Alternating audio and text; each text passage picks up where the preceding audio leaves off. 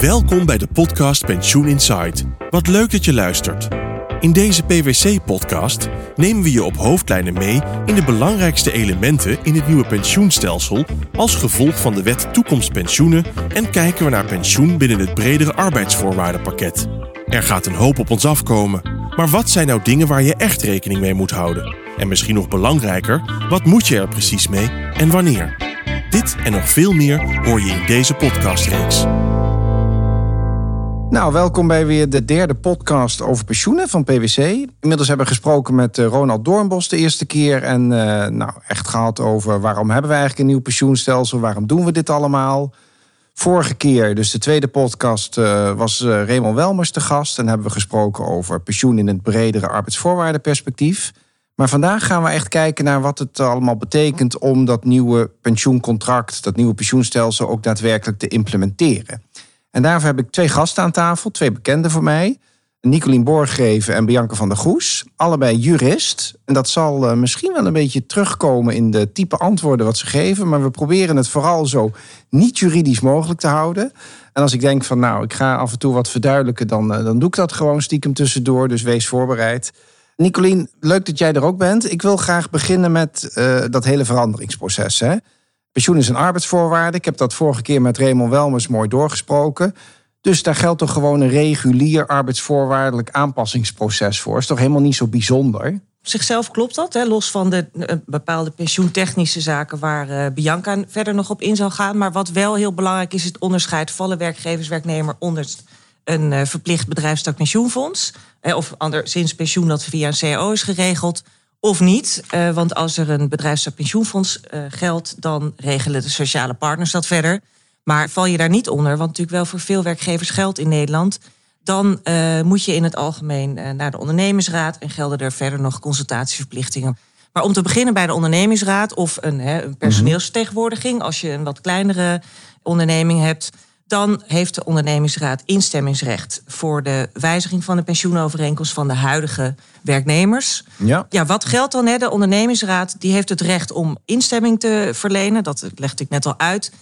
Maar wat denk ik ook heel belangrijk is, pensioen is natuurlijk voor veel mensen wel echt een ver van hun bedshow. Hè? Het ligt ja. ver in de toekomst, het is complex, ze begrijpen het allemaal niet. We hebben eigenlijk liever nu een zak geld, plat gezegd, dan ja. in de verre toekomst. En ook ondernemingsraadleden, die kunnen hier natuurlijk best een beetje zenuwachtig over zijn. Of het gewoon niet goed genoeg begrijpen. En hoe ga jij instemmen voor zo'n belangrijk onderwerp? Hè? Want het is natuurlijk wel veel in het nieuws geweest. En ook veel dat het misschien wel nadelig kan zijn voor werknemers. Mhm. Mm -hmm. En dan heeft de ondernemingsraad het recht om een externe adviseur in te schakelen. Op kosten van de werkgever. En ik zou dat ook altijd aanraden als werkgever om dat te stimuleren. Ja, omdat ja. dat uiteindelijk de dialoog over de wijziging in die pensioenovereenkomst makkelijker maakt. En uiteindelijk ook maakt dat je draagvlak creëert onder je werknemers. Ja, dus mijn eerste reactie was dan van ja, maar dan heb je nog een adviseur aan tafel. Hè? Dus Ja. dat, dat, dat vertraagt alleen maar. Maar jouw ervaring is dat dat juist goed werkt? Nou, mijn ervaring is, en, en onze ervaring is dat dat juist heel goed werkt, omdat het de werknemers heel veel vertrouwen geeft. Hè, want het is een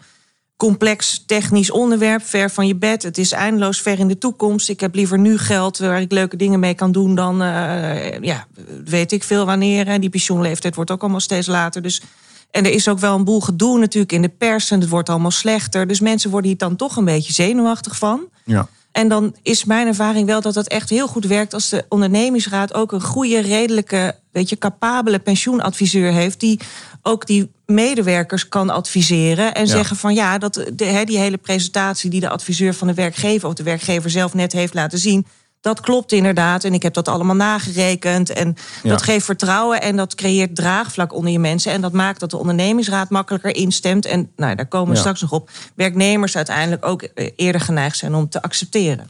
Nou, ik moet ook zeggen dat ik dat herken in de praktijk. Hè? Dus dat die externe adviseur, daar ga je natuurlijk, die tweede externe adviseur, die van de ondernemingsraad, daar ga je als adviseur van de werkgever natuurlijk ook mee praten en een beetje de rollen verdelen.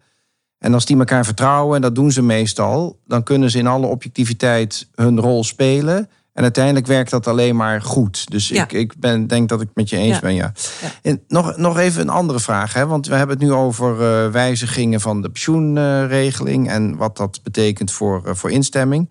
Maar er is iets speciaals deze keer aan de gang en dat is het zogenoemde transitieplan. Maakt dat nou dat hele instemmingsproces anders dan hoe we zeg maar een paar jaar geleden de pensioenregeling wijzigden? Nou, het maakt het in zoverre anders dat je nu inderdaad verplicht bent hè, als werkgever om zo'n transitieplan voor te leggen aan de ondernemingsraad. En de ondernemingsraad zal dat ook als uitgangspunt nemen van gaan wij instemmen of niet. Dat transitieplan, nou ja, dat moet in ieder geval bevatten die, natuurlijk die nieuwe pensioenovereenkomst. Wat gebeurt er met de bestaande pensioenaanspraken en uh, waarom is dat dan zo? Wat is dan de invloed van de nieuwe pensioenovereenkomst op de verschillende leeftijdsgroepen? En wat is de compensatieregeling en het bijbehorende financieringsplan? Maar het is wel heel belangrijk dat je dit dus opneemt in je instemmingsaanvraag. En wat nou, Nicolien, als die onderneming besluit om de wijzigingen door te voeren zonder instemming van de OR? Omdat hij denkt, ja, weet je, die OR kan het individu toch niet binden, die heb ik eigenlijk niet nodig. Ik vraag gewoon eh, individuele instemming, al dan niet met negatieve optie, lekker snel klaar. Kan dat? Nou, die vraag krijg ik best vaak van werkgevers, moet ik zeggen. En het antwoord is daar toch op dat ik dat niet zou adviseren. Want als jij die ondernemingsraad gewoon negeert en zegt we gaan helemaal geen instemming vragen, dan kan de ondernemingsraad de nietigheid van dat besluit tot wijziging inroepen. En wat betekent dat dat besluit tot wijziging nooit heeft bestaan of geacht wordt nooit te hebben bestaan. En als de ondernemingsraad niet instemt en je denkt, ik ga toch, ik wil toch dat plan doorvoeren, want het is ook in het belang van mijn medewerkers. En want dat kan natuurlijk ook, hè, dat een ondernemingsraad zich gewoon niet senang voelt om hierover te beslissen. En dan kan je naar de kantonrechter om vervangende instemming te vragen. En die vervangende instemming die wordt verleend door de kantonrechter hè, als nou ja, de ondernemingsraad echt op onredelijke gronden niet eh, tot het geven van die instemming had kunnen komen. Of als er zwaarwegende bedrijfsredenen zijn. Maar ja, heel eerlijk gezegd zou ik niet. Ja, niet daar moet je niet op aan laten komen, toch? Nee, want dat is een heilloze weg en dat levert niemand wat op. Ja. Nee, niet doen, niet op aansturen. Hey, en als de OR op een gegeven moment heeft ingestemd, die is positief, zijn we dan klaar? Nee, dat is, dat is oh. niet het geval. Ook dat wordt, wordt vaak gedacht hè, door werkgevers, maar dat is niet het geval. De instemming van de ondernemingsraad, dat legt wel gewicht in de schaal. Dus dat is wel een belangrijk uitgangspunt. En dat maakt natuurlijk voor werknemers ook dat het voor hen ook makkelijker maakt om in te stemmen. Want ze denken, nou, de ondernemingsraad heeft daarnaar gekeken, er is een kundig adviseur bij betrokken geweest. Dus dat helpt wel. Je kunt dus verschillende dingen doen. Je kunt je werknemers vragen met een briefje van, nou ja, wil je tekenen voor de wijziging van je pensioenregeling? Dat is natuurlijk wel de veiligste weg. Mhm. Als werknemers nou niet bereid zijn om in te stemmen, of als jij zegt van, nou ja, weet je, ik, ik volg liever een andere route, dan kan je, als je een zogenaamd wijzigingsbeding hebt opgenomen in je arbeidsovereenkomst, daar een beroep op doen. En dat kan als uh, sprake is van een zwaarwegend belang om tot wijziging over te gaan. Nou, die instemming van die ondernemingsraad, dat, dat kan al een indicatie zijn. Hè, dat sprake is van een zwaarwichtig belang. En ook natuurlijk het feit dat hier sprake is van een wettelijke plicht. Hè. Je gaat niet zomaar je pensioen veranderen omdat het goedkoper kan. Het moet gewoon.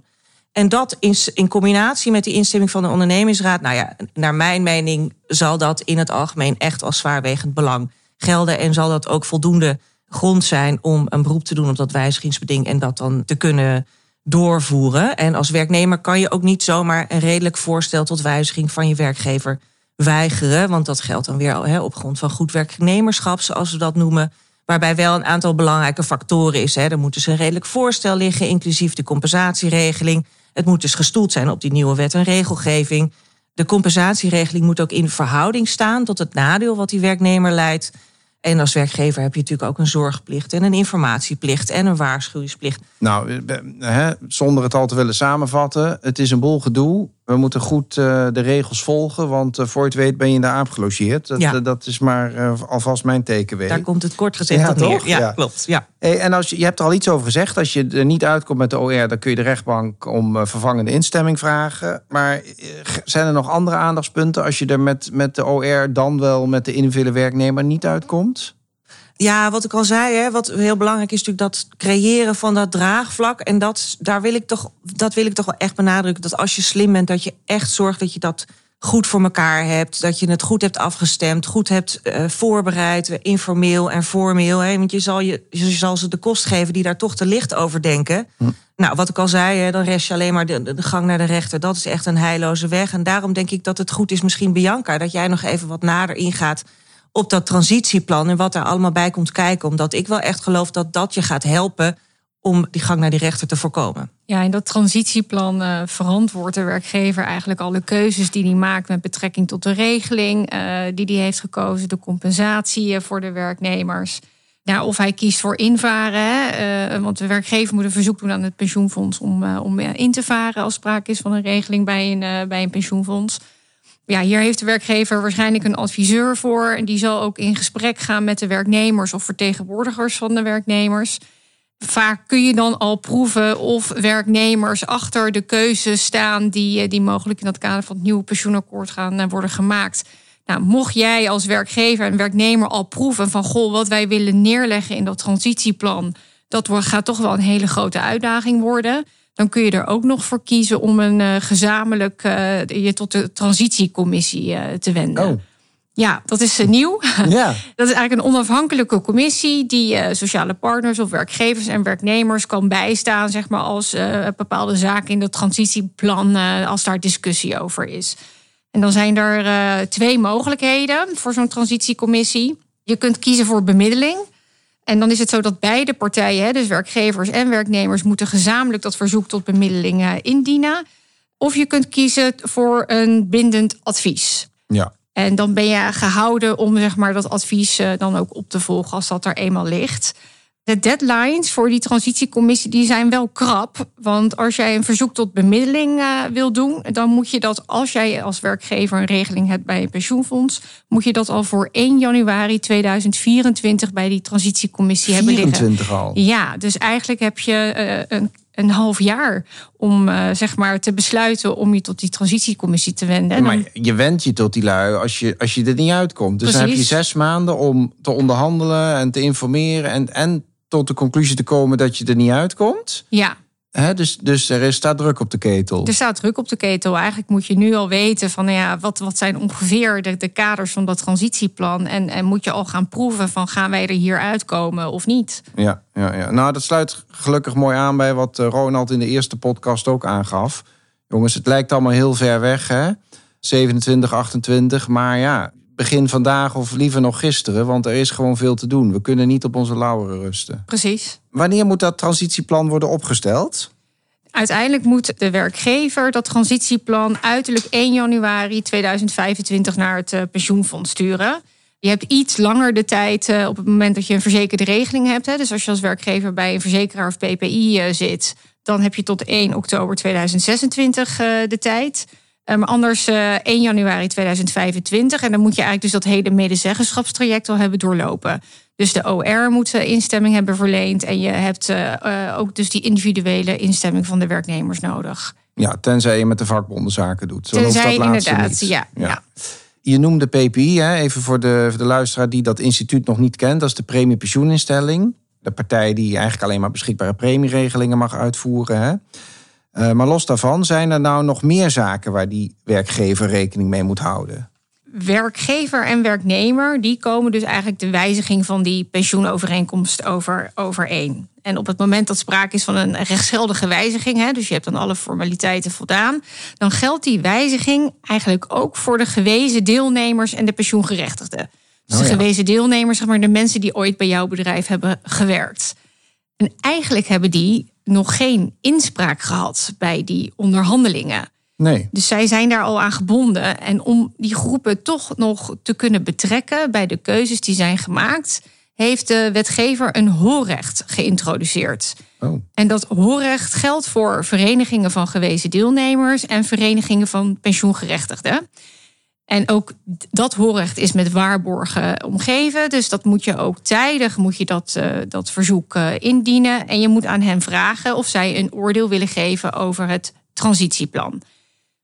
En de werkgever moet ook uiteindelijk in dat transitieplan, denk ik dan, aangeven wat er met, met het oordeel uh, van die verenigingen is, uh, is gedaan. Ja, dus als je 1 januari in de pensioenfondssituatie 1 januari 2025 klaar moet zijn, ook voor dat moment moet dat hele uh, hoor, hoorspel met het hoorspel ja. met de Vereniging van Gepensioneerden en, uh, en uh, Slapers, laten we ze maar zo even noemen, dat moet achter de rug zijn al. Ja, dus je hebt inderdaad de, de route met de OR, je hebt de instemming van de, van de individuele werknemers. En, maar voordat je dat transitieplan dus überhaupt kan voorleggen aan de OR, moet je dat hoorrecht al uh, hebben uitgeoefend. Ja, En moet er dan een vereniging van gepensioneerden of slapers zijn? Want als die er nou niet is, kan ik het dan overslaan? Of moet ik dan individuele gepensioneerden gaan aanschrijven of ze er nog wat van vinden? Ja, daar zijn ook waarborgen voor gegeven. Dus die verenigingen die moeten zichzelf ook melden bij de werkgever of bij het pensioenfonds. Hè. Ah. Dus ze moeten kenbaar maken dat ze bestaan.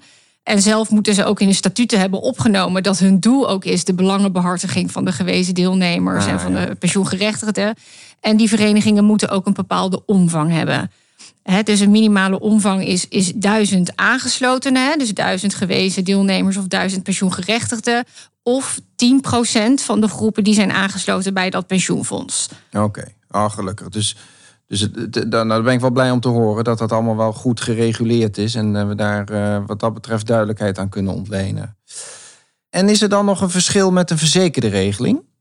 In principe is daar eh, ook wel alles hetzelfde. Hè? Dus ook daar moeten de werkgevers een transitieplan opstellen. En moet de OR worden betrokken. Heb je individuele instemming nodig van de werknemers.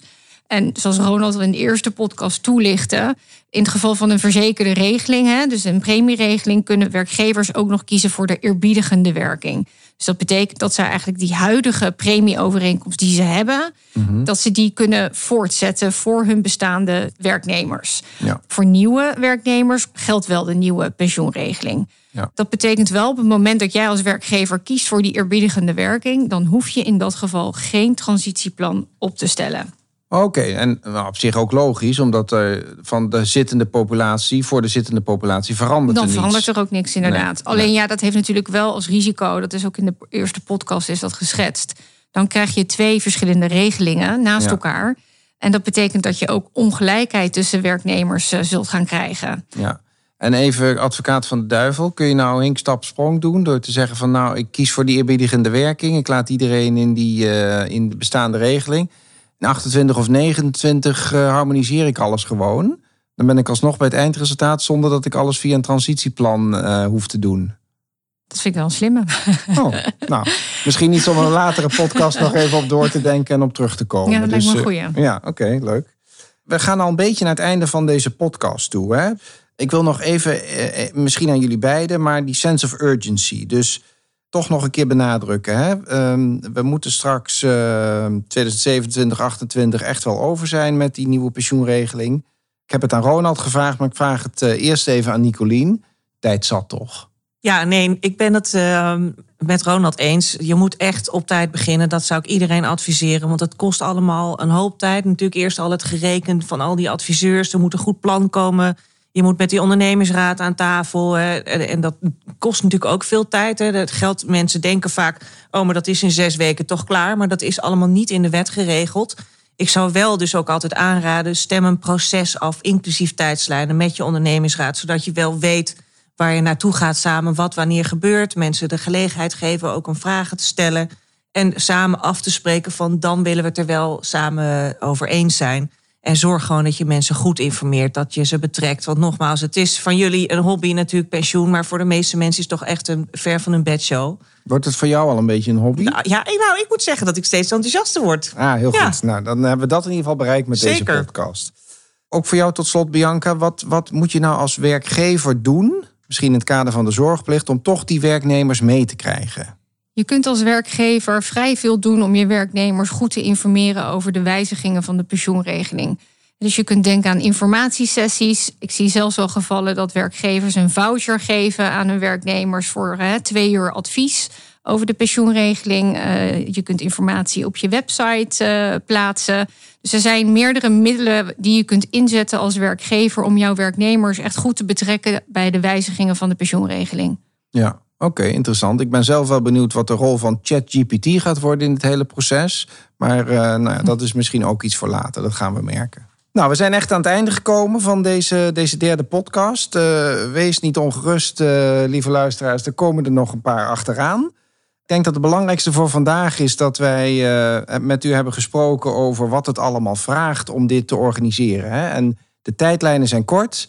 Er moet veel gebeuren, van ondernemingsraad tot vakbonden, tot transitieplan, transitiecommissie, verschillen voor een eh, pensioenfonds versus een verzekerde regeling of een PPI. Het is een complex verhaal. We hebben het al een paar keer gezegd. Begin liever gisteren dan vandaag.